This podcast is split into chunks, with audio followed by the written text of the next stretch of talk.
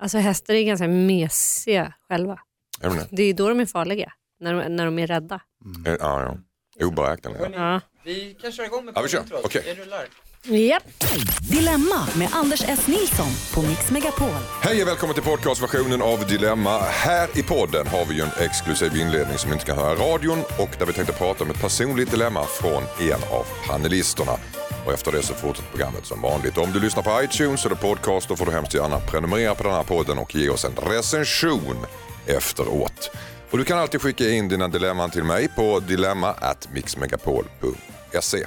Stora som små problem så ger panelen sina tips och synvinklar på era predikament. Dagens finaste trio i panelen idag är Peter Magnusson. Hej. Känd från På spåret. Sanna Lundell, författare, skribent och eh, journalist och programledare. Hej! En modern mediepersonlighet. Du gör allt. Ja, tydligen. Ja. Ja.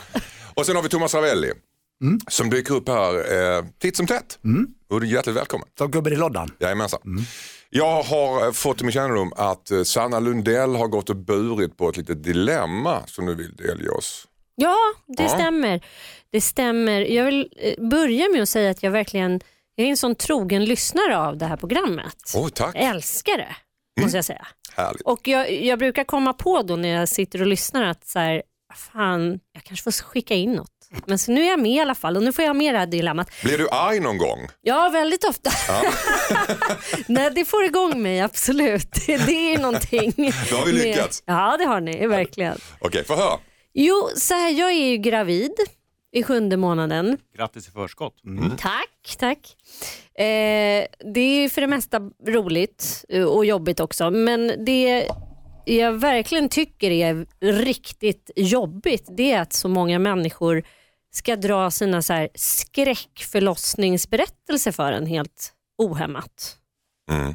När man då har en förlossning framför sig om inte allt för lång tid så är det som att liksom jordens samlade kvinnor eh, bara blir så påminda om sin egen graviditet och sin egen förlossning och gärna då ska så bjuda på det mest ja, skräckinjagande Varför gör stories. folk Varför det? gör folk det är ungefär när man ska flyga så pratar man om en flygkrasch och illa. Ja. Men är det bara, det är bara tjejer, det är inte killar som kommer fram och säger detta va? Nej men, nej men killar brukar vara, nej men det är framförallt eh, kvinnor skulle jag säga. Och, eh, eh, och att det är som att det liksom finns inget stopp. Det här, jag, jag har mött på det ganska många gånger och mitt dilemma då är att jag är så pass snäll eller vad man ska, alltså jag blir helt ställd i de här situationerna så jag kan inte riktigt säga så här, hörni stopp jag vill inte höra. Liksom. Är är inte det här ett utslag för kvinnlighetens fulaste sida? Jag tycker det här är ganska vanligt att kvinnor brer brär på med sånt här just gällande graviditet. Just för att, eh, för att det är exklusivt va? och för att männen ska känna vi män.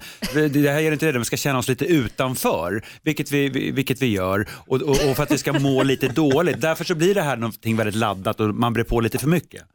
Ja, men här är det Ja, kvinnor det är som gör det till kvinnor. Ja, och det tycker jag är extra märkligt att vända det mot dig. För att du har ju dessutom, för, det är, ditt, är det ditt tredje barn? Det blir ett fjärde barn. Ditt du fjärde vet ju barn, går för till. guds skull, du vet Ja. väl hur, hur, hur principen i alla fall? Ja, men jag tror att det kanske är därför folk tänker att de har lite carte blanche också. Att de är så här, men hon är ju luttrad, henne kan vi inte skrämma upp riktigt. Här kan vi dra på liksom. Men Thomas, vad, vad, tycker, vad tycker du att hon, Sanna ska göra då när hon får de här skräckhistorierna presenterade för sig? Jag tycker hon ska komma med en ännu värre. komma Det där tillbaka. är ingenting Nej, mot du min skulle- första fråga. Ja. Vänta ni bara. Ja. nej men, nej, men det, är alltså, det, jag tycker det är konstigt alltså, att man går fram och berättar hur illa det kan vara. Det behöver ju inte vara så dåligt. Det kan ju vara att det Sannolikt inte. Nej, det kan ju bara säga plopp så är den ute. Ja, Va? fast hur ofta är det? Vänta nu så här. Ja, har det nej, jag- någonsin hänt? Plopp, Men, har det hänt att det säger plopp? Ja, det finns kan ju säga visst. japp också. Haha. Men, för, men kan man inte bara lite krasst eh, svara med en fråga? Eh, alltså, tror du att det här är vad jag är intresserad av att höra just nu? Men då, då tillhör ju du skaran liksom sanningssägare då som tå- tål lite dålig stämning. Ja, det gör Peter. jag. Det gör Klar, jag, klar, jag du, har du svårt för Ja. dålig stämning Sanna? Ja, ja, Ja, jag inte i sådana här sammanhang ska jag säga. Men om det är liksom så här, ja men i ett eh, socialt sammanhang, gärna när man träffar så här lite, alltså mina vänner skulle väl, de fattar väl att de inte, mina nära vänner, men mer i så här, Människor som man lite halvt som halvkänner. Det är där jag tycker Mm. den här typen av så här, nej men lite grann så här mingelpartyts eh, liksom, att, höjdpunkt att man ska så här, Säga sanningar. Ja. Nej, jag fattar. Jag- men nej, jag typ förstår. här Dåligt förslag av berätta mig. om- Nej, men att så här, oj där är en gravid kvinna, då kan jag så här, eh, ja, henne kan jag närma mig genom att prata om vidriga förlossningar. Typ. Så ditt, ditt dilemma här egentligen Sanna, det är att du vill egentligen säga shut the fuck up, jag vet hur det kommer bli, men du är rädd för den dåliga stämningen. Ja. Oh, hur, ska, hur ska hon bearbeta sin dåliga det- stämning? Nej, men det där är Det ju, ju- ganska, ja, förlåt. det är ju ganska naturligt. Jag menar, jag, om jag ska in på en operation någonstans och så någon som berättar att så illa kan det gå. Det, det Bedövningen tog inte, nej, jag det, var det här vill hela man ju inte höra utan det är ju bara att säga nej tack. Du, eh, jag vill inte höra detta. Du, det här får du ta med någon annan. Det passar inte mig. Det, det, byt samtalsämne. Ja, för jag Var tänker att det kommer in på lite djupare problem här om din rädsla för dålig stämning. Jag Mm, det är att, det här kanske gäller andra saker i livet också. Jag tror att det är eh, bra att kunna säga eh, på ett trevligt sätt såklart att eh, det där är inte riktigt relevant för mig just nu på ett trevligt sätt och sen så skålar man. Behöver det bli dålig stämning? För om, om, du, om det någon kommer fram till dig och bara gör värsta skräckhistorien. Ja. Ja, det skvätte överallt, jag höll på att dö, jag sprack överallt. Vad säger. Ja. Du, och behöver det bli så dålig stämning om du säger så här, men, men jag tror du verkligen behöver höra det där, lägg av. Det behöver inte bli dålig stämning. Hon kanske skrattar efteråt, ja förlåt. Eller sådär. Det är jag som är lite överkänslig bara. Kanske, vad säger Peter? Jag får träna på det bara. Ja, kanske. Men, men jag, jag, jag, jag känner igen problematiken för det är ganska vanligt, att, jag tror framförallt bland kvinnor, att man är väldigt mån om att upprätthålla den goda stämningen. Ja. Och det tycker jag är, är, är synd. För jag tycker att det ja, men jag tycker det. För jag, tror att det är bra om man försöker eh, sträva efter lite sämre stämning ibland. Okej, det är det jag ska jobba på. Alltså. Oj, tack, tack. Sen- sen är det faktiskt så- jag gå till psykolog och prata om det. När det kan bli den absolut sämsta stämningen det är om en karl kommer fram till en tjej och så säger är du gravid och så nej hon inte det. Då blir det är Då det. blir Nu det pratar, nu pratar vi allvar. Det, det, det snackar har hänt alla. Ja, det är tufft. Nej, men jag skulle inte våga fråga det ifall personen i fråga kom och liksom hade trillingar i, i nionde månaden. För att jag skulle vara så rädd att, eh, att säga fel. Jag vågar inte fråga förrän det är två veckor innan förlossningen för då är man 100% säker. Ja, efter det förlossningen sant? säger jag. Alltså efter förlossningen. Har ni varit med om det någon gång då? Ja, att ni har Ja. liksom Ja. så här, oj, väntas det smått? Och så bara, nej jag är lite tjock bara. Jag var faktiskt med om det efter förlossningen för då är inte magen liksom tillbaka riktigt. Ja men då är det Ah. acceptabelt. Ja, fast jag säger, ja, jo, kanske det. Det beror på hur Men långt det, det tog efter. sig inte emot speciellt, det blev ganska tyst och någon, jag kanske ska hämta något till dig att dricka. Men det är lite knäckande, man har klämt ut ungen och man är så nöjd. Och så bara, är du gravid? nej, ja det förstår jag. Fy fan vad dålig stämning. Okej, eh, Sa- hur känns det Sanna? Känns det som att du har fått lite hjälp? Ja, absolut. Jag känner mig eh, stärkt. Ja, jag ska försöka skapa lite mer dålig stämning. Inte som ett självändamål. Nej, utan mer när jag bara... Men det handlar väl till syvende och sist om att eh, våga stå upp lite för sig själv. Och sen tror jag man kanske kan... eh, Jag tänker på det att man kanske kan säga det där lite mer skämtsamt. Alltså, mm, vad kul att du delar med dig av dina blodigaste stories nu, precis Är när jag ska föda. Ja, precis. precis. Mm. Jag tänker så här, inte att du står upp för dig själv, men mer än att inte ta ansvar för deras plumphet. Nej, för det är det man gör, man tar, man tar ansvar för deras idioti. Mm. Men det, skammen ska ju ligga på dem. Men det är mer också så här, samtidigt så gör ju folk det där inte av ondo. Utan det är ju Ibland. ett sätt att försöka närma sig och att försöka bli lite liksom, eh, ja men att närma sig. Ja. Och så tänker man så här, men gud det här är ju ett relevant ämne för henne som är gravid här nu. Alltså där har Ja. vi i alla fall en gemensam nämnare, liksom, det här med födande typ. Eh, så så det är det, mer det, man vill inte göra någon liksom, känna sig skamsen. Nej. Nej. Och vi Nej. kan ju faktiskt säga här från radion också att om du lyssnar där ute så skippa de där värsta eh, förlossningshistorierna om du träffar en gravid kvinna. Ja, och det där som du sa, det, det är samma sak om man bara, ah, jag ska in och operera.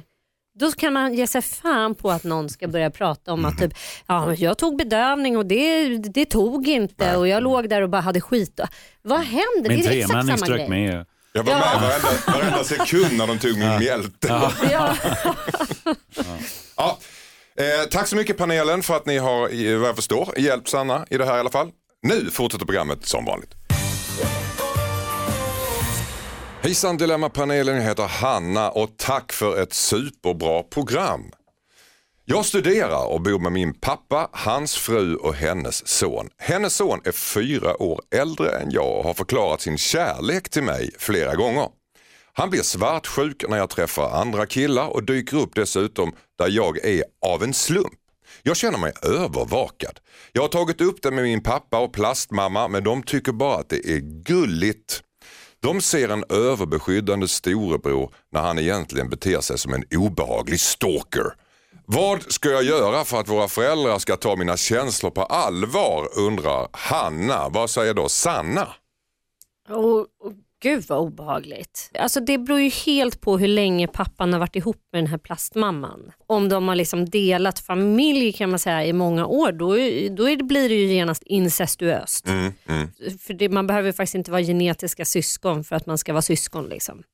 Eh, hur som helst så borde ju båda, alltså pappan och den här plastmamman ta det här på allvar. Och liksom, Och inte släta över det. inte släta över det. Det är väldigt, eh, ja, men det är en skitbesvärlig situation som kan förstöra relationerna inom familjen jättemycket tror jag. Jag vet inte om det är föräldrarna, hon måste ju, jag vet, han måste ju ta det på allvar och, och skärpa till sig. Det är väl som vilken relation som helst egentligen, om hon inte är intresserad så så, så måste ju han liksom verkligen backa. Mm. Och det blir ju extra känsligt i och med att de är någon slags familj. Det blir Tycker lite... du att det är lite småäckligt med plastsyskon så här? Eller? Finns det en tidsram för när, när det är okej? Ja, men jag, jag kan liksom inte riktigt relatera till det, men, men, men jag skulle gissa att, att ja, har man vuxit upp tillsammans då är det ju, då är det ett syskon. Mm. Liksom. Herregud. Eh, men om, om, de, om det är en ny relation mellan föräldrarna så, så är det ju liksom, det är rimligt och eh, mänskligt att han nu är, är kär i henne. Men, men om, om, om det, även om det är en ny bekantskap, det blir ju lite konstigt för att de ingår i någonting som är eh, ytligt sett en, en familj, även om, även om det är helt nytt och de inte är blodsläkt. Så att, eh, det, är, det är märkligt och osensitivt beteende av den här killen och hon borde be honom att skärpa till sig. Thomas Ravelli, hur gör Ja. ni på landet? Nej, sa hur man gör på, hur gör ni på landet? på Eller vad tycker du om landet? det här? På, på landet, där förekommer det väldigt, väldigt mycket.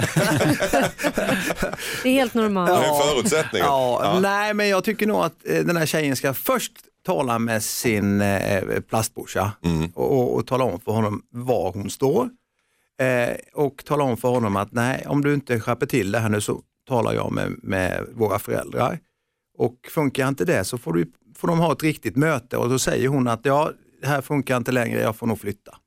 Okej, Eh, om, om det inte funkar längre. Alltså. Men jag tror ju att man kan tala med varandra om det här och stä- sätta gränser tror jag. funkar det inte längre får du flytta Hanna men ta det definitivt med din eh, plastbror. och, sen, och sen övergå till föräldrarna också. Då. Så Hanna tycker att du ska ta det med eh, din pappa Ja, och definitivt. pla- plastmamma och Peter Magnusson tycker att det här är direkt opassande och du ska sätta ner foten direkt eh, som vilken eh, stalker som helst. Mot Och- honom. Mot, mot honom och säga det. Och sen kan man ju ge honom ett gott råd. Jag menar, vill inte hon ha honom nu så kan hon kanske ha det i bakhuvudet om de hon kan ju bli kär i honom i framtiden, det vet man ju inte.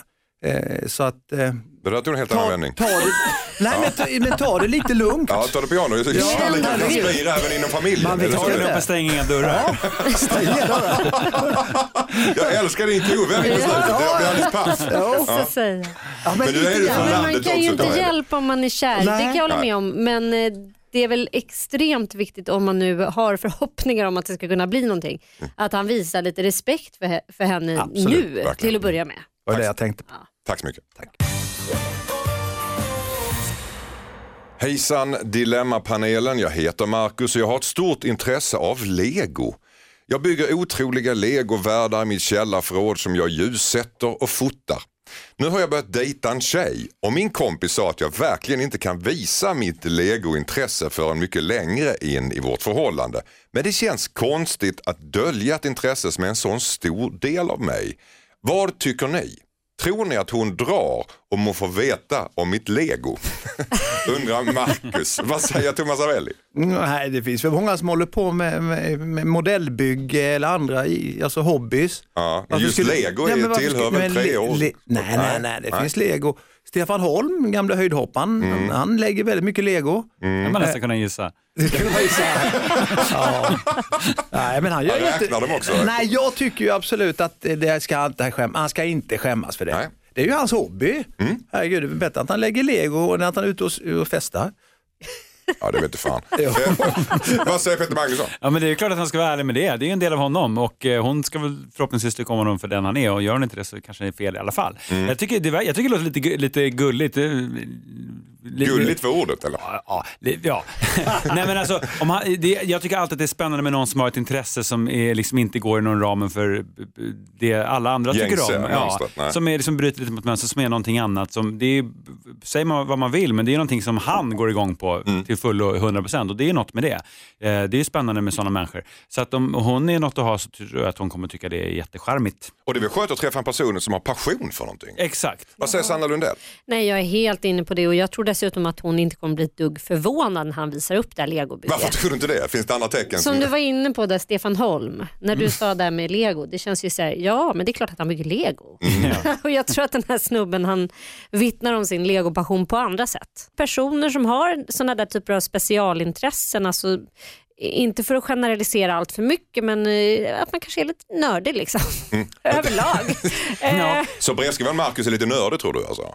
Jag tror han kan vara lite nördig och sen också att man så här, som du var inne på Peter, att man inte bangar för att gå lite utanför normen. Att man, så här, om man vågar sitta ner i ett källarförråd och bygga upp legovärldar då är man nog ganska, alltså, Ja, om jag skulle träffa en tjej som byggde med lego, jag skulle bli su- superfascinerad. Ja, det tycker det var jättespännande. Verkligen. Eh, Det, det, det är liksom, det här är något, det är något annat. Liksom. ja, det bara, Däremot att träffa en wow. tjej som skäms för sin hobby. Ja, Eh, eh, ja. För det vittnar om någonting annat. Ja, du känner exakt. att man inte riktigt står för vem man Ja, är. Det är Att man tar bättre. steg fram, så här har vi en Ja. legokille. Man Exakt. ju, I'm all about lego. Ja. Jag, har, jag har faktiskt en lego-anekdot. När jag själv gick i nian tror jag det var, så kom jag med min bästa kompis Anders Hellstrand kom hem till mig. Han- Vi vi skulle hitta på någonting. Och så sa han ironiskt sådär, så här, vad ska vi göra? Bygga med lego eller? För att det var vi för stora för 15 eller så. Då hade jag en legobas under sängen och var livrädd för att han skulle hitta den. Vilket han inte gjorde. Men nu sa jag det. Men nu sa du det? Så där är den. Är den fortfarande och du stod upp för att du är en legokille Peter. Nej, jag är inte, ty- tyvärr, jag är inte det längre. Men, men eh, min dotter började bygga lite med lego. Jag tycker det är kul. Ja. Det är väldigt roligt. Skäms inte för ditt legointresse säger en före detta legokille Peter Magnusson. Och Sanna Lundell håller med Thomas Avell, tycker inte alls konstigt att vuxna människor leker med lego. Stefan Holm gör det dessutom. Tack så Ja. mycket. Hejsan Dilemmapanelen, jag heter Mehmet. Jag och min flickvän har varit ihop i snart fyra år. Vi har alltid sagt att vi inte vill ha barn de närmsta åren. Att vi vill resa och göra andra saker istället. Nu har hon gjort en helomvändning. Hon säger att hon verkligen vill ha barn nu. Och om jag inte vill ge henne det så tycker hon att vi ska separera. Jag är chockad. Jag vill vänta cirka 10 år och göra de här resorna som vi har pratat om. Men jag vill inte lämna min flickvän. Så jag undrar vad ska jag göra? Vad säger Peter Magnusson? Ge henne ett barn. På en gång. Ja, men Skippa det- resorna fast han inte vill. Nej, men du, eller, ja, eller res med någon annan. Det är ju superenkelt. Det är högst rimligt att hon har ändrat sig. Hon, jag vet inte hur gammal hon är, med ålder att göra och så vidare. Mm. Och hon vill ha det här och det, hon har fått nya prioriteringar. Det är inte så mycket att jiddra om. Nej. Då får väl han antingen ge henne ett barn eller så får det ta slut. Sanna Lundell, vad säger du? Ja, jag är lite mer inne på konsensus här. Va? Det tycker jag är ett fint eh, svenskt ord. Samtycke. Ja, samtycke och jag tycker man kan mötas halvvägs. Han tänker tio år och resor och så vidare och hon tänker barn nu, pronto. Och, och då tänker jag så här, har hon något skäl till att liksom hetsa på så här? Det kan ju faktiskt vara så, eh, många, alltså kvinnor har ju ändå en så här tidsbegränsning att eh, förhålla sig till och eh, eh, det kan ju vara en sån anledning att hon har blivit uppskrämd och känner att så Nej, men nu- vill jag köra innan det blir för sent. Hon kanske har folk i sin omgivning, det vet man ju inte. Men eh, hade jag varit honom så hade jag sagt, för det är inte så att han säger nej till barn eh, bara överlag, att han inte vill ha barn alls utan han vill vänta lite och hon vill ha det nu. Kan de inte mötas på halva vägen? Alltså, i, om, om hon, samtidigt tycker jag också att det är en så här sjuk grej i en relation att det är så här, nu vill jag ha det nu, punkt. Och du får bara förhålla dig till det. Det är liksom inte egentligen, Ja, men- det är ganska manipulativt skulle jag säga, Ja, men kunna jag vill- säga. Om man inte har något skäl till det. Att säga, det är bara nu, mina ägg håller på att bli för gamla och eh, det, om ett år går inte. Ja, för- Men jag tycker att det är ett rimligt skäl. Jag tänker så här, precis som hon har ändrat sig kan ju han ändra sig. Om de kommer överens om fem år, sen ändrar han sig och vill skjuta upp det ytterligare tio år, då, då försätter han henne i en ganska tuff situation. Jag säger, man får inte knycka de bästa barnfödaråren från, eh, från, från kvinnorna. Dessutom om han säger att han vill vänta i tio år, det är ganska mycket. Jag vet inte hur gammal hon är. Eh, Hon, hon är 30 vettig. Så, Han måste så, vara någorlunda upplyst och förstå att om han vill vänta i tio år så måste han tänka på att hon kan få barn om tio år. Ja. Annars har han ju sovit under biologilektionen. Vad säger Thomas Ravelli? Ja, om hon verkligen älskar den här killen så ställer hon inte de kraven på honom. Intressant. Eh, det är ju, man är ju två för att göra ett barn och man ska uppfostra barnet om man nu är en eller två där, det är ju, kan, kan man går ju fixa på vilket sätt som helst. Men jag tror huvud, huvudfrågan är, älskar hon verkligen den här killen eller hon vill hon bara ha honom för att sk- skaffa ett barn? Mm. För det, det är ju det, den djupa frågan är, hon, han måste ställa frågan, om du nu verkligen älskar mig så mycket, då måste du måste vi kunna komma överens om detta. Du ska inte bara bestämma. Det är ju en gemensam känsla man har, nu vill vi ha ett barn. Det är inte bara en person som kan Ja, om säga man får det. det ultimatumet emot sig så kan man kanske bli besviken som man känner. Vill du bara ha mig för att du vill ha ett barn alltså? Eller, eller är det kärleken mot, till mig som kommer första rummet? Ja, men kärlek kommer och gå. va? Ba- Barn, alltså, jag tänker, det, är, det här är en be- befolkningsekonomisk fråga också. Det är viktigt att vi avlar mer barn i landet. Man ska inte skjuta på sånt där. Det är bättre ju yngre kvinnan är ur hälsoperspektiv. Och det är bra att, att, liksom, att, att, äh, att, att, öka befolkningen. Så man, jag tycker att de har ett samhällsansvar här också som jag tycker att de måste ta. Du går inte i bräschen, du har ett barn och du är över 40 Peter. Du? Du går inte i bräschen, du har ett barn och är över 40. Jag, jag kämpar Som ju. du känner till. Jag gör vad jag kan. Nej, men jag tänker minst två barn måste ju varje par skaffa, eh, par skaffa för att inte liksom... ja, det är för mycket, det är befolkningstillväxten i världen är ju för hög. Ja men inte den här delen. cyklar. Ja, men, nej, nej, nej. Ur ett ekonomiskt perspektiv är det bra att vi i den här delen ska äh, äh, göra mer barn så att vi kan De konsumera ska suga mer. ut resten av världen för generationer framåt. Sanna, du får sista ordet där för du är här för första gången. Ja, nej, jag tycker ni ska ta er ett allvarligt snack med varandra. Dels om den här typen av så här, kommunikation och bara ställa krav sådär. Nu vill jag ha barn, annars är det slut. Bara, Okej, det är inte särskilt trevligt tycker jag.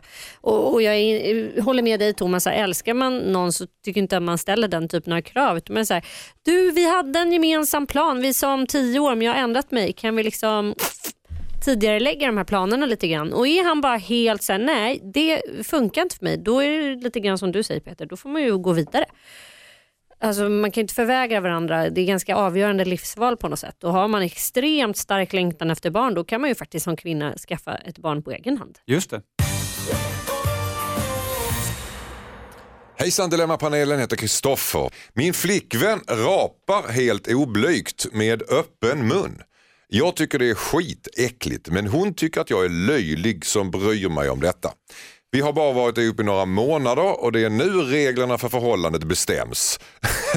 Vad ska jag göra med henne? Undrar en förtvivlad Kristoffer. Vad säger Peter Magnusson? Ja, men det, så kan man inte hålla på, det är jätteäckligt.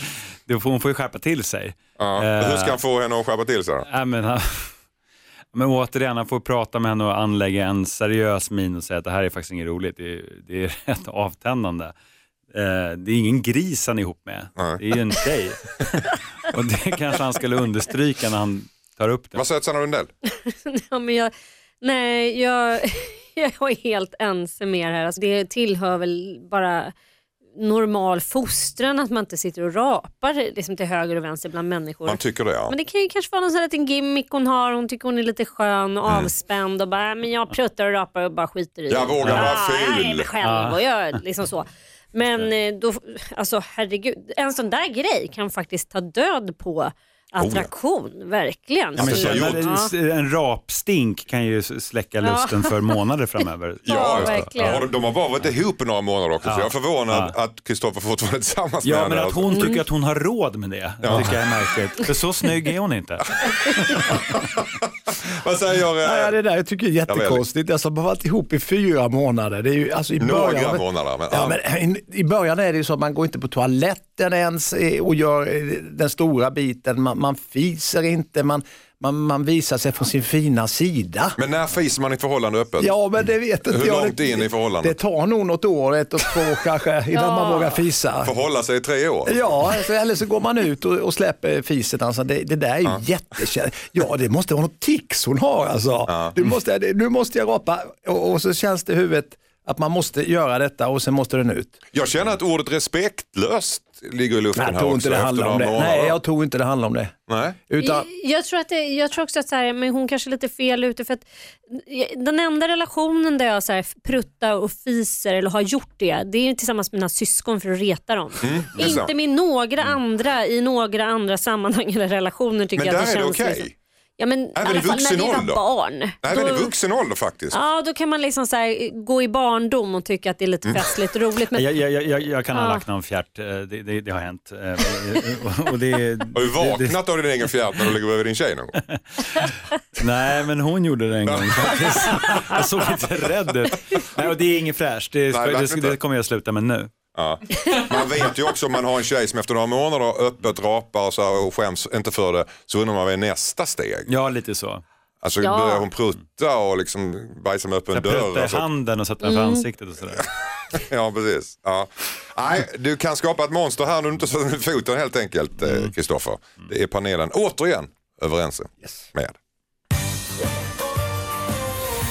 Örjan skriver följande. Jag och min sambo har varit tillsammans i fyra år. Vi är båda under 30. Innan vi fick barn hade vi sex dagligen. Men sedan några månader så har hon köpt en massagestav. Nu blir det varannan vecka som mest.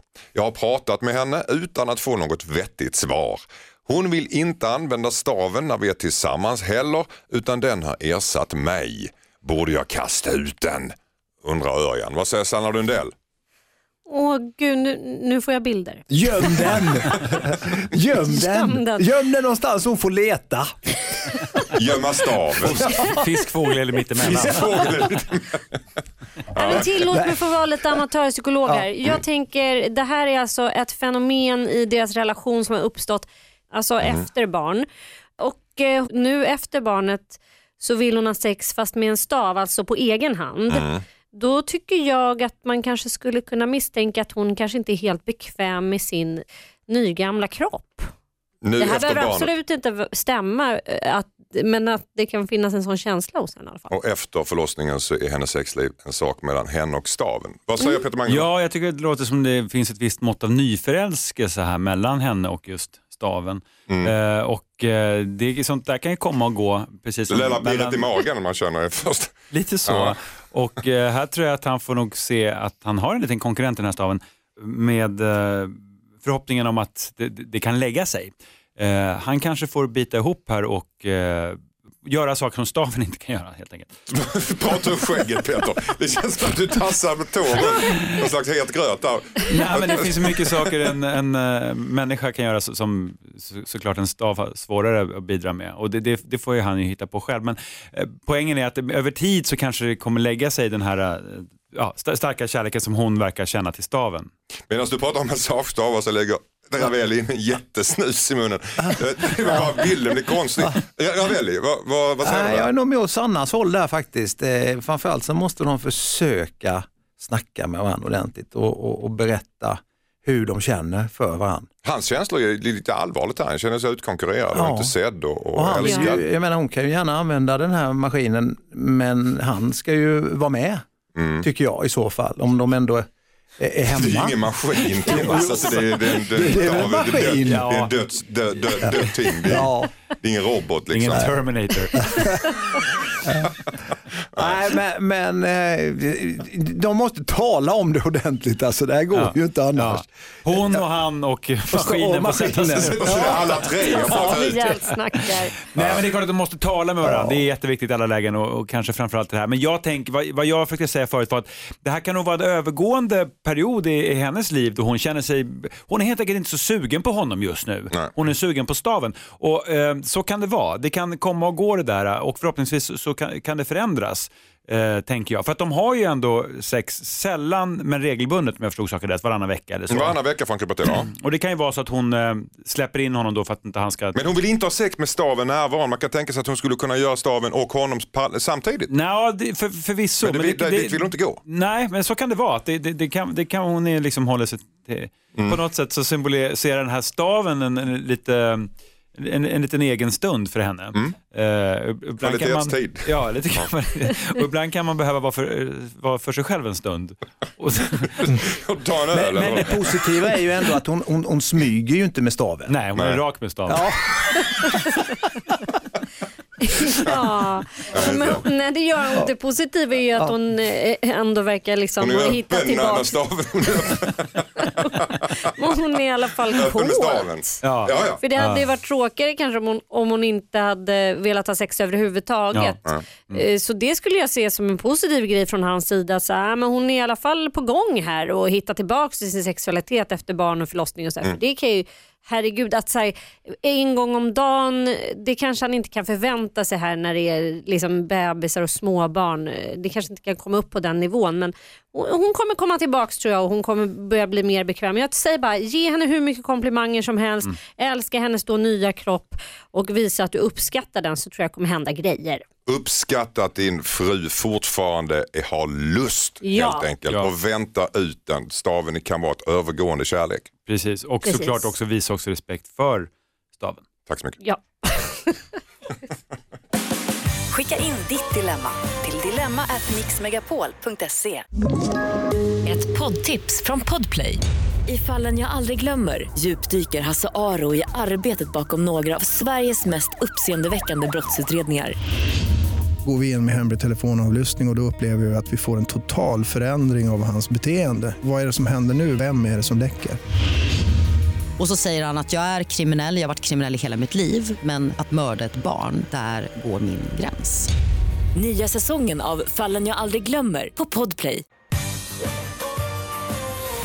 Hejsan Dilemmapanelen, jag heter Fiona. Min sambo är väldigt rädd för bränder. Vi har 13 brandvarnare som han testar varannan vecka. Nu ska vi hälsa på mina föräldrar i en vecka. De bor långt bort, röker inomhus och älskar värmeljus. Min sambo har frågat hur det är med brandsäkerheten och jag har viftat bort det. Jag vill verkligen att han ska träffa mina föräldrar men det finns inga hotell där och jag är rädd att han kommer ställa till med en scen. Jag har försökt prata med mina föräldrar men de säger bara att det är deras hus och deras regler som gäller. Vad ska jag göra undrar Fiona med en brandrädd pojkvän. Eh, Vad säger Peter Magnusson? Ja, men han, vi, vi måste ju börja här med, med vad som är viktigt. Det är att han går i, i, KBT, i, i terapi. Vi börjar från grunden. Ja, vi måste börja från grunden, för det här bottnar ju i, i en eh, fobi och en neuros som, är, som sitter på djupet hos honom. För att man kan inte Eh, man kan inte ställa som första fråga när man ska åka till svärföräldrarna första gången, hur ser det ut med brandsäkerheten? Man kan, Man kan inte ha 13 brandvarnare hemma heller. Nej, som man, som man testar varannan vecka. Det, det, det är tokigt. Så att jag tror att hon ska börja med att försöka, ja, försöka vägleda honom till en eh, terapeut. V- Börja med KBT helt enkelt tycker Peter Magnusson. Vad säger Sanna Lundell? Jag är helt med på det faktiskt. Alltså att normalisera den där typen av, eh, vad ska man säga, fobisk ångest. Det är rätt vanligt ändå skulle jag säga. Att man säger, nej men det är, och framförallt att de som själva lider av det gör det till normalt och hittar massa argument för varför det är så jävla viktigt då med brandsäkerhet. Istället för att fatta att så här, men gud, det är jag som är det stora problemet här faktiskt. Eh, och, alltså, det finns inga omständigheter i världen tycker jag som gör att det är okej att komma hem till någon och kolla brandvarnarna. Nej. Han kanske blev bränd som barn. Ja. Det vet man ju inte. Ja, nej, det kanske bottnar någonstans där. Och en, Ja. alltså en liten Ja, ja. för bränder är väl bara sunt. För det är ju direkt farligt. Jo, jo, Ja, man ska vara men- medveten om brand. Vad säger Thomas Ravelli? Ja, det är det akuta eh, för att komma, komma fram till en bra lösning helt akut när de ska åka dit till, till hennes föräldrar. Plocka med dig en brandfilt. En brandfilt. Ta två brandfiltar med dig. Ska han drapera sig själv med den Ja, han går ut kom av in som Fantomen. Med en brandfilt. Ja. Nej men skämt åsido, plocka med sig, du får ta plocka med dig en brandfilt och då kan du vara lite eldvakt här nu ikväll. Kan man Eh, tänka sig att han installerar egen brandvarnare? när han jag kan kommer? ta med sig en portabel också. Knytkalas för Det är, inget, det är inget dåligt förslag tycker jag, men det är en kortsiktig Ja, lösning för men hans det, det, var ju långsiktiga det, det, det är ju det akuta nu. Ja, ja, ja. De måste Ja. åka till hennes föräldrar och de röker som borstpinnar där inne. Det- Alltså det, det ska de ju inte göra. Och älskar värmeljus, det är Ja, kusligt bara det. Ja, det, det, det, det, kan, plan. det kan de också pra, behöva Ja. prata med någon om. För så mysigt är det faktiskt inte. Det är sant, det är Men, men, men det är som vi säger, det är, skämt åsido, det är ju ett problem som, som, som han har och han måste ta tag i det hela för att det, är ju, det funkar ju inte. Han kan inte sova på nätterna för att han ska kolla brandvarnarna hela tiden. Eh, Det här kan ju omöjligen vara ett problem bara när de ska till föräldrarna. Alltså hon måste ju ha lidit av det här tidigare. Så Ja, ja. Som de du är bor inne på på. hotell. Och, Ja, ja. Alltså, det Ja. måste ju vara någonting som lever med. Men jag tänker också att eh, jag tycker ändå det är lite spännande att det, det skulle nog vara mer okej om man ställde krav på dem att säga jag kan inte sova där om de röker inomhus. Mm. För det har ju blivit så accepterat i hela vårt samhälle att tycka att det är helt gross och äckligt och vidrigt att man kan inte liksom typ vistas i rum där det röks. Jag tycker det är lyx när man kommer in i ett rum och får röka. det är Det nostalgiskt. står för dig men att sova i så här 20 paket prins Ja, det är nog utan filter, det tror jag, nej usch. Nej. Ja, precis.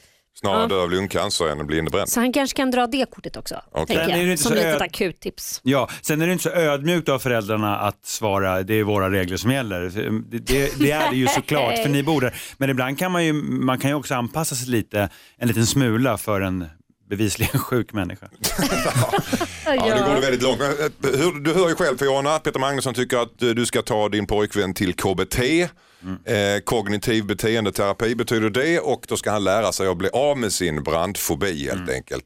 Thomas Ravelli tycker att eh, du kan rent kortsiktigt. kortsiktigt ta med en, tänk, kortsiktigt ta med helt enkelt en brandfilt Ja, en som han draperar sig innan han går in och möter dina föräldrar. Och eh, Sandra Lundell tycker att tänk på snarare att de röker inomhus för att det är lite farligare bara det. Det finns fler Det är faror. fräscht. finns fler faror än själva branden. Tack så mycket.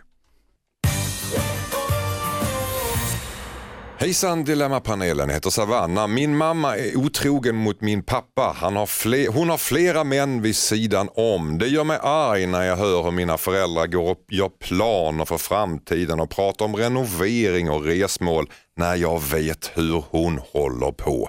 Jag får panik men vågar inte berätta detta för min pappa. Hur ska jag göra? undrar Savanna. Sanna Lundell, vad säger du? Jag tänker spontant att eh, Savannas mamma nog inte är helt frisk. Och- Om man har så där många typer av affärer och otroheter då tror jag hon kanske har någon typ av sex-kärleksmissbruk. Och eh, jag tycker att hon ska eh, ta ett snack med sin mamma framförallt och ställa henne lite grann mot väggen. Mm. Och ställa ett ultimatum. Att så här, antingen berättar du det här för pappa eller så kommer jag göra det. Det är precis som med andra typer av missbruk, liksom, att man skyddar och eh, man, man förväntas skydda den som så att säga beter sig på det här sättet. Hon skulle nog må jättebra av att prata om det här, för det här är, det är allvarliga grejer och jag, jag tror inte hon mår så bra Nej. av det här själv. Peter Magnusson, vad säger du? Ja, eh, nej det gör hon nog inte och hon försätter sin dotter i en ganska vidrig sits. Ja, hon kanske har ett, eh, ett missbruk eller så är hon bara en, eh, en egoistisk idiot. Det, det, det vet vi inte. Eh, Jag tycker att hon måste prata med sin mamma och säga att eh, jag vill i alla fall aldrig mer se ett spår av vad du gör. För gör du det en gång till så kommer jag säga det till pappi. Okej, hota med att vara goltupp helt enkelt. Thomas Ravelli, vad säger du? Det som fascinerar mig är att hon gör det så öppet och visar det för sin dotter. Eh, och det låter ju som att det inte stämmer någonting där riktigt. Jag menar, om du ska göra en sån sak så, så försöker du väl hålla det så hemligt som möjligt. Eh, hon ska ju tala med sin mamma och säga till henne antingen flyttar du härifrån och och gör slut och, eh, eh, och flyttar till din egen lägenhet. Då kan du hålla på på det här viset men nu ska du vara kvar i den här familjen. Det, alltså, det, det ska inte dottern behöva säga till sin mor. Men du Nej. sitter ju ändå och föreslår det. Ja, men vad, alltså det, det är ju sista, jag menar, hon måste ju prata med henne, ge henne det som Peter säger, ge henne en chans till, lägg av med det där eller så tar du tag och sticker härifrån, alltså, för du förstör ju hela familjen. Om jag får vara djävulens advokat, Ja. kan det vara så att San, Savanna inte har hela sanningen? Att mamma och pappa helt enkelt kommit överens om att ha öppet förhållande och Savanna inte känner till detta? Jag tänkte just lägga in det som en reservation. Att så här, man vet faktiskt, man ska inte ta för givet när människor är, så att säga, utåt sett ser ut att vara otrogna. Det är en väldig massa människor som har öppna relationer eller går igång på liksom, att ta in andra parter i sina relationer. Så jag tror inte man ska vara man ska inte vara så konservativ där heller. Men Nej. för ett barn, eller liksom, nu vet vi inte hur gammal hon är men det är klart att eh, alltså barn är ju kristdemokrater per definition allihopa. Och Det där var sant. väldigt... Det känns som en sån här, vad heter det, litet citattecken uppe i DN, kanten. Eva Busch Thor kommer använda den redan imorgon. Ja, de, eh, det är ju väldigt eh, liksom, ja, de kan inte föreställa sig att folk Ska, har sådana överenskommelser Nej, helt nej, enkelt. det. kan vi ge ett tips till Sa- Savanna här att hon frågar mamma om de har ett öppet förhållande så får reda på det i alla fall. Så kan de diskutera moralen i det. Ja. Mm, det låter inte så dumt. Men Eh, för, jag, för man ja. undrar, vi, vi, en person vi inte pratar om det är ju pappan. Jag Ja. tänker var, varför ser inte han det här om det är så Och, för, eh, och öppet. Han kanske Ja, inte så vill se. öppet, öppet. Nej, precis. Han kanske inte vill se. Han, han torkar av diskbänken och blundar. Mm. Och, går lider vidare. inombords. Och lider gråter inombords. sig till sömns. Som vi gör Vi män. i Skandinavien. Ja. Eh, Och då är det ju såklart synd om honom. Men, men där har ju han också ett ansvar, va? stå upp för sig själv. mm. Ja, men han kanske inte behöver, han kanske är helnöjd med den här situationen. precis. Han kanske inte liksom, av olika skäl är förmögen till Nej.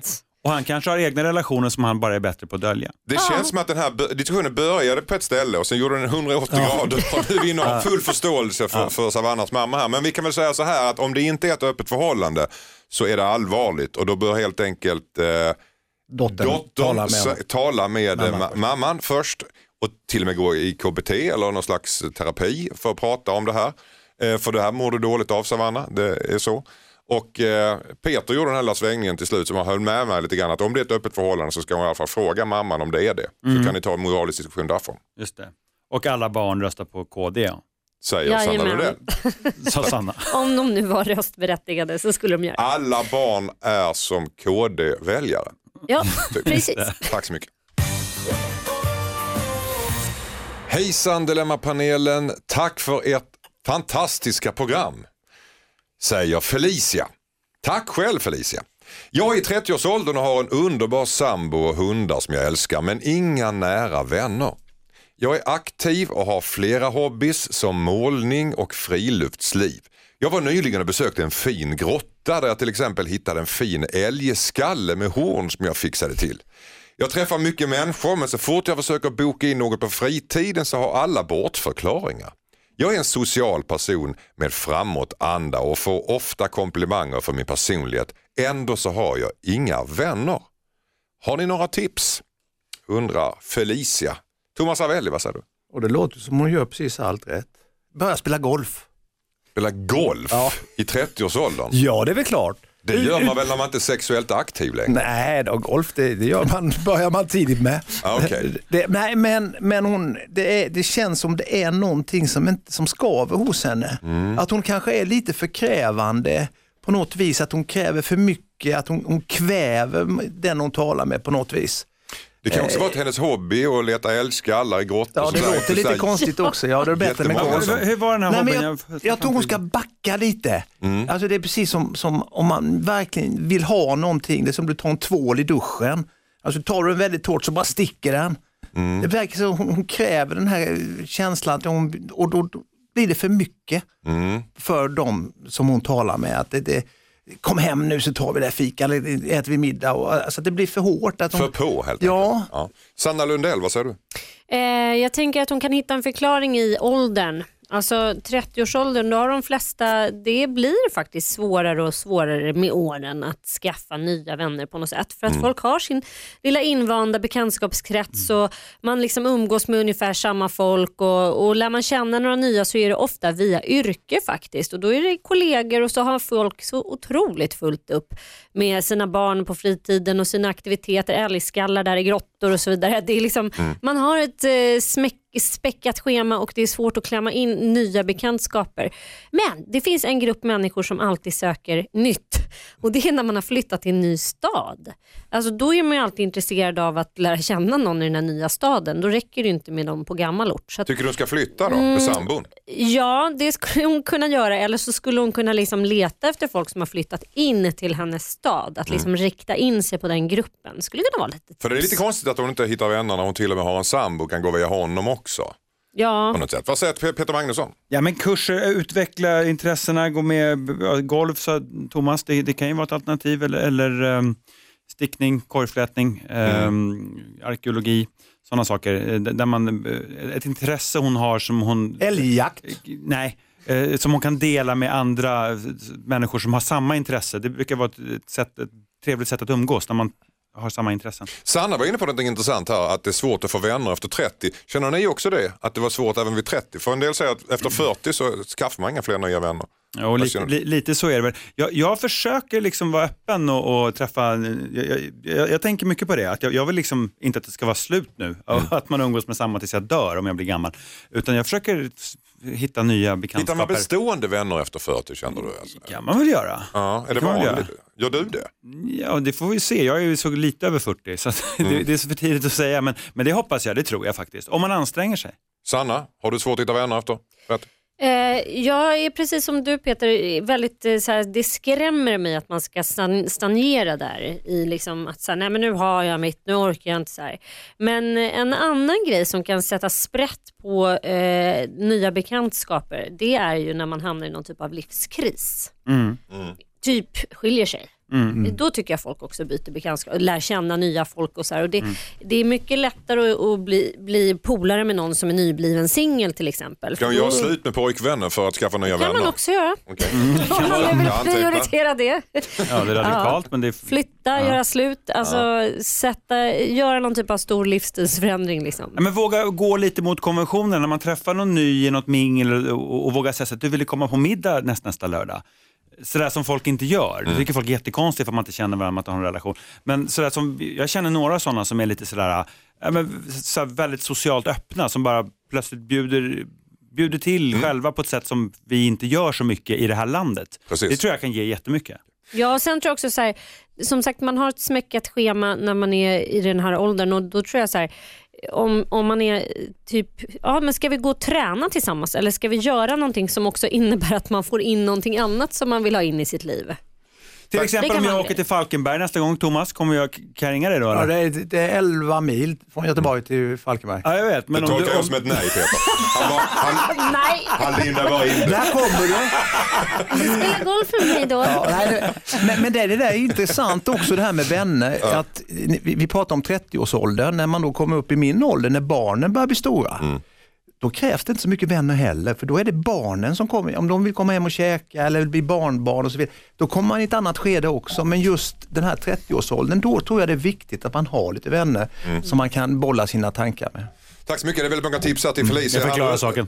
Det är svårt att hitta vänner till att börja med, det har vi kommit överens om så hon är inte ensam. Annars ska man flytta, eh, tycker Sanna Lundell. Skilja Nya sig hobby- eller skaffa barn. skilja sig, till och med göra slut med din sambo eh, så kanske du hittar nya vänner genom det. Eller så börjar du spela golf, tycker eh, Thomas Ravelli.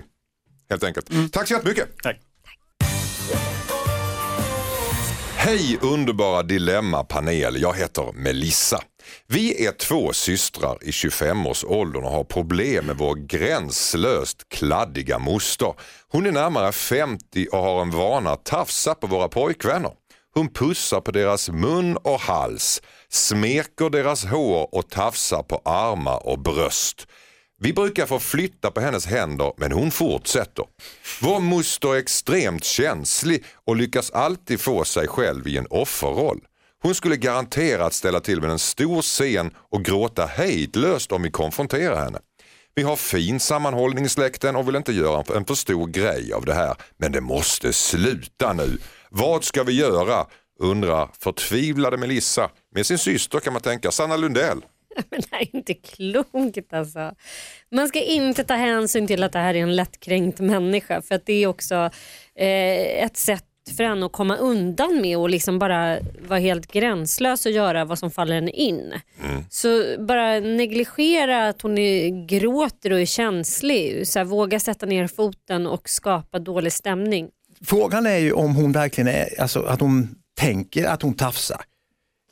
Det är det som... Du menar att uppsåtet Ja. inte är ont i henne? eller Nej, sexuellt alltså, hon, hon är, kanske är den människan som tar och, och, och, tycker inte att det här är inte så farligt egentligen. Nej, men- så, så att hon skulle ju kanske behöva, alltså det, det som de, de tycker att uppfattar det på ett felaktigt sätt, så de måste ju prata med henne i i en rum, de här två syrrorna. Säg till henne att hennes sätt att ta på folk inte passar. Alltså jag förstår precis den där typen du åsyftar Thomas. Att, så här, att man är liksom lite smetig och man är eh, en fysisk person kallar man ju sådana människor också. Men hon är så fysisk. Så här. Och det kan man ju tycka är jättehärligt men samtidigt måste de här fysiska personerna förstå att det finns eh, människor som inte alls uppskattar fysisk närhet. Det är ingenting man kan ta för givet.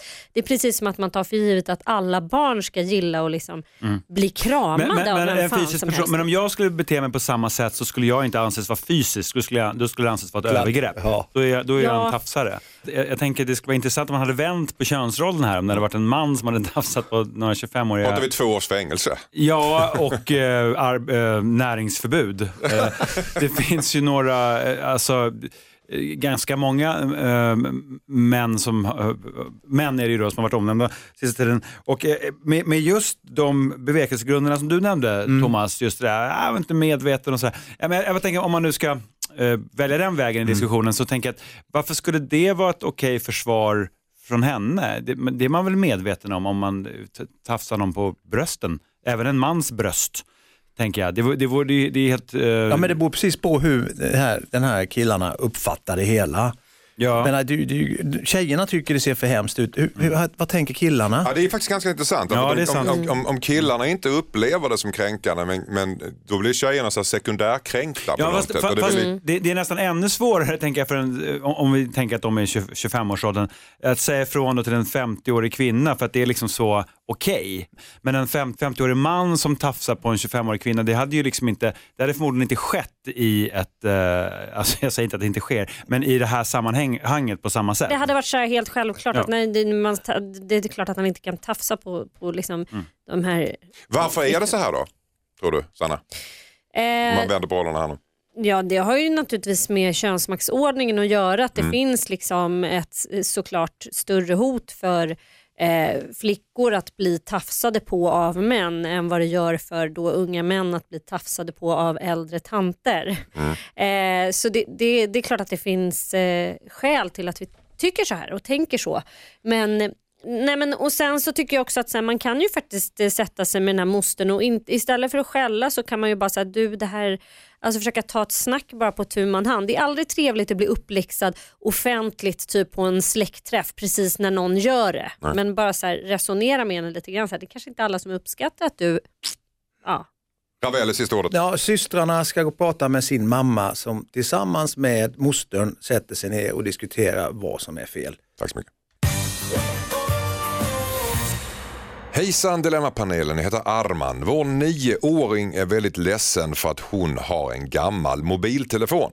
De flesta av hennes klasskompisar har smartphones och hon blir utanför när de skickar bilder till varandra och använder olika appar. Varken jag och min fru har smartphones. Vi valde att sluta med det och det förbättrade våra liv på många sätt. Nu är vi lite kluvna. Jag tycker att vi ska ge med oss men min fru håller inte med. Hon tycker att vi gör vår dotter en tjänst genom att ha kvar sin gamla telefon. Alltså vad tycker ni? Sanna Lundell? Åh, jag är verkligen teknikförespråkare. Jag älskar ju teknik, jag älskar min telefon. Jag tycker människor är, liksom... åh, jag är trött på den här mobilfria trenden som håller på att poppar upp. Men blir inte mår så jävla dåligt av att surfa. Jag, Och små ungar som bara sitter med hu- gamnacke rakt ner i mobilen hela tiden. Är inte det ett fattigdomsbevis? Jo, det är det. Ja, men det är svårt just, det, det, det är två frågor här om vi ska prata om just eh, mobiltelefoner eller uppfostringsfrågan här. För att jag tror någonstans också att, eh, som mamman är inne på, att de gör henne en viss tjänst för att man kan inte alltid få det man vill, även om andra barn har det. och sådär. Och det, det, det är ju någonting sorgligt i, i eh, att, att, allting, att, att det är så mycket som bygger på vad man har och sådär. Eh, Däremot just det här med teknik och så, det, det är ju det är inte heller oviktigt att liksom lära sig de bitarna också och hänga med. Ehuru tycker jag att mobilen skapar mer eh, ångest och eh, världen skulle vara bättre om smartphones inte fanns. Men nu gör de ju det. Så därför säger jag, Ja, vad ska de Vad säger du nu då? Jag vet inte. Du bara älskar din egen röst Peter. Ja, lite. Nej, jag, Nej, jag, jag, jag är nog för Sannas linje där. Alltså, om hon ska kunna ta emot eh, olika bilder och grejer som de andra skickar och hon kan inte vara med, Nej. det, det, då känner hon sig utanför och, och det är inte bra att hon gör det. Ehm, hon hänger inte med riktigt och, och då tycker jag absolut att hon ska, de ska ha en riktig mobil så hon kan få vara med med de andra kompisarna. De har ju ett alternativ om man nu liksom förespråkar ett teknikfritt samhälle och ogillar det och tror att man mår så himla mycket bättre. Sätt ungen i en Waldorfskola då. Eh, det finns ju sammanhang och andra människor där man inte behöver känna sig som ett ufo om man kommer med en gammal tegelsten. Men nu är det ju så att vi lever och jag tycker också att det är så här... väldigt konstiga. Waldorfskolan. Jaså?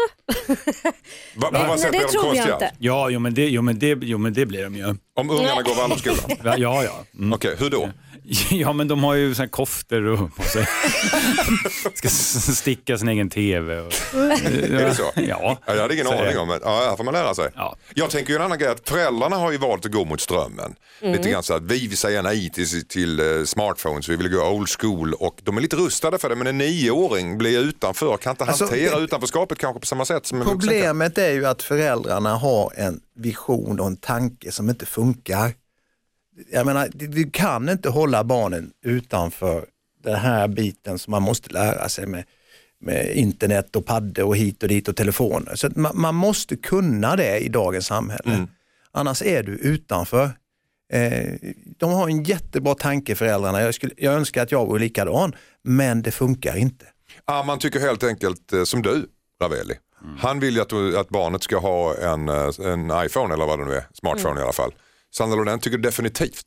Ja det Det. tycker jag verkligen. Peter Magnusson vacklar lite grann, det känns Ja, som att nej, du men jag- ändå jag- vill gå tillbaka till de gamla fina. Ja, men, ja, men, ja, man men, bar telefonen som resväska. Ja, man pratar med en sån här burk med snöre. Mm, Nej, men jag, vet, 010 jag, jag, jag, har en dotter som är fyra och hon håller ju redan på att vill ha massa saker och jag försöker stå emot men jag lyckas ju aldrig med det. Så att jag menar, hej, jag skulle ju, jag skulle ju köpt en, gjort så som pappan. Mm. Eh, Eller ge en tjock-tv i present. ja, och ärligt talat, jag, jag tror att Waldorf kan vara bra också. Okej, Tack så mycket. Fegis.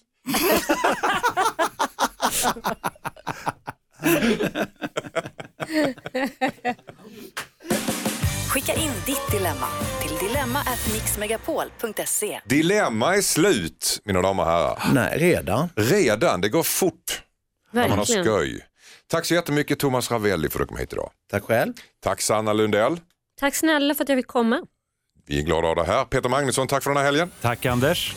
Och så ska du mejla in dina dilemman till dilemma@mixmegapol.se. Kom ihåg att vi byter ut ditt namn så att du kan vara anonym. Nästa helg är jag tillbaka såklart med Hasse Aro, Linn Hed och Babsan. Vi hörs igen nästa helg. Hej hej! Hej då!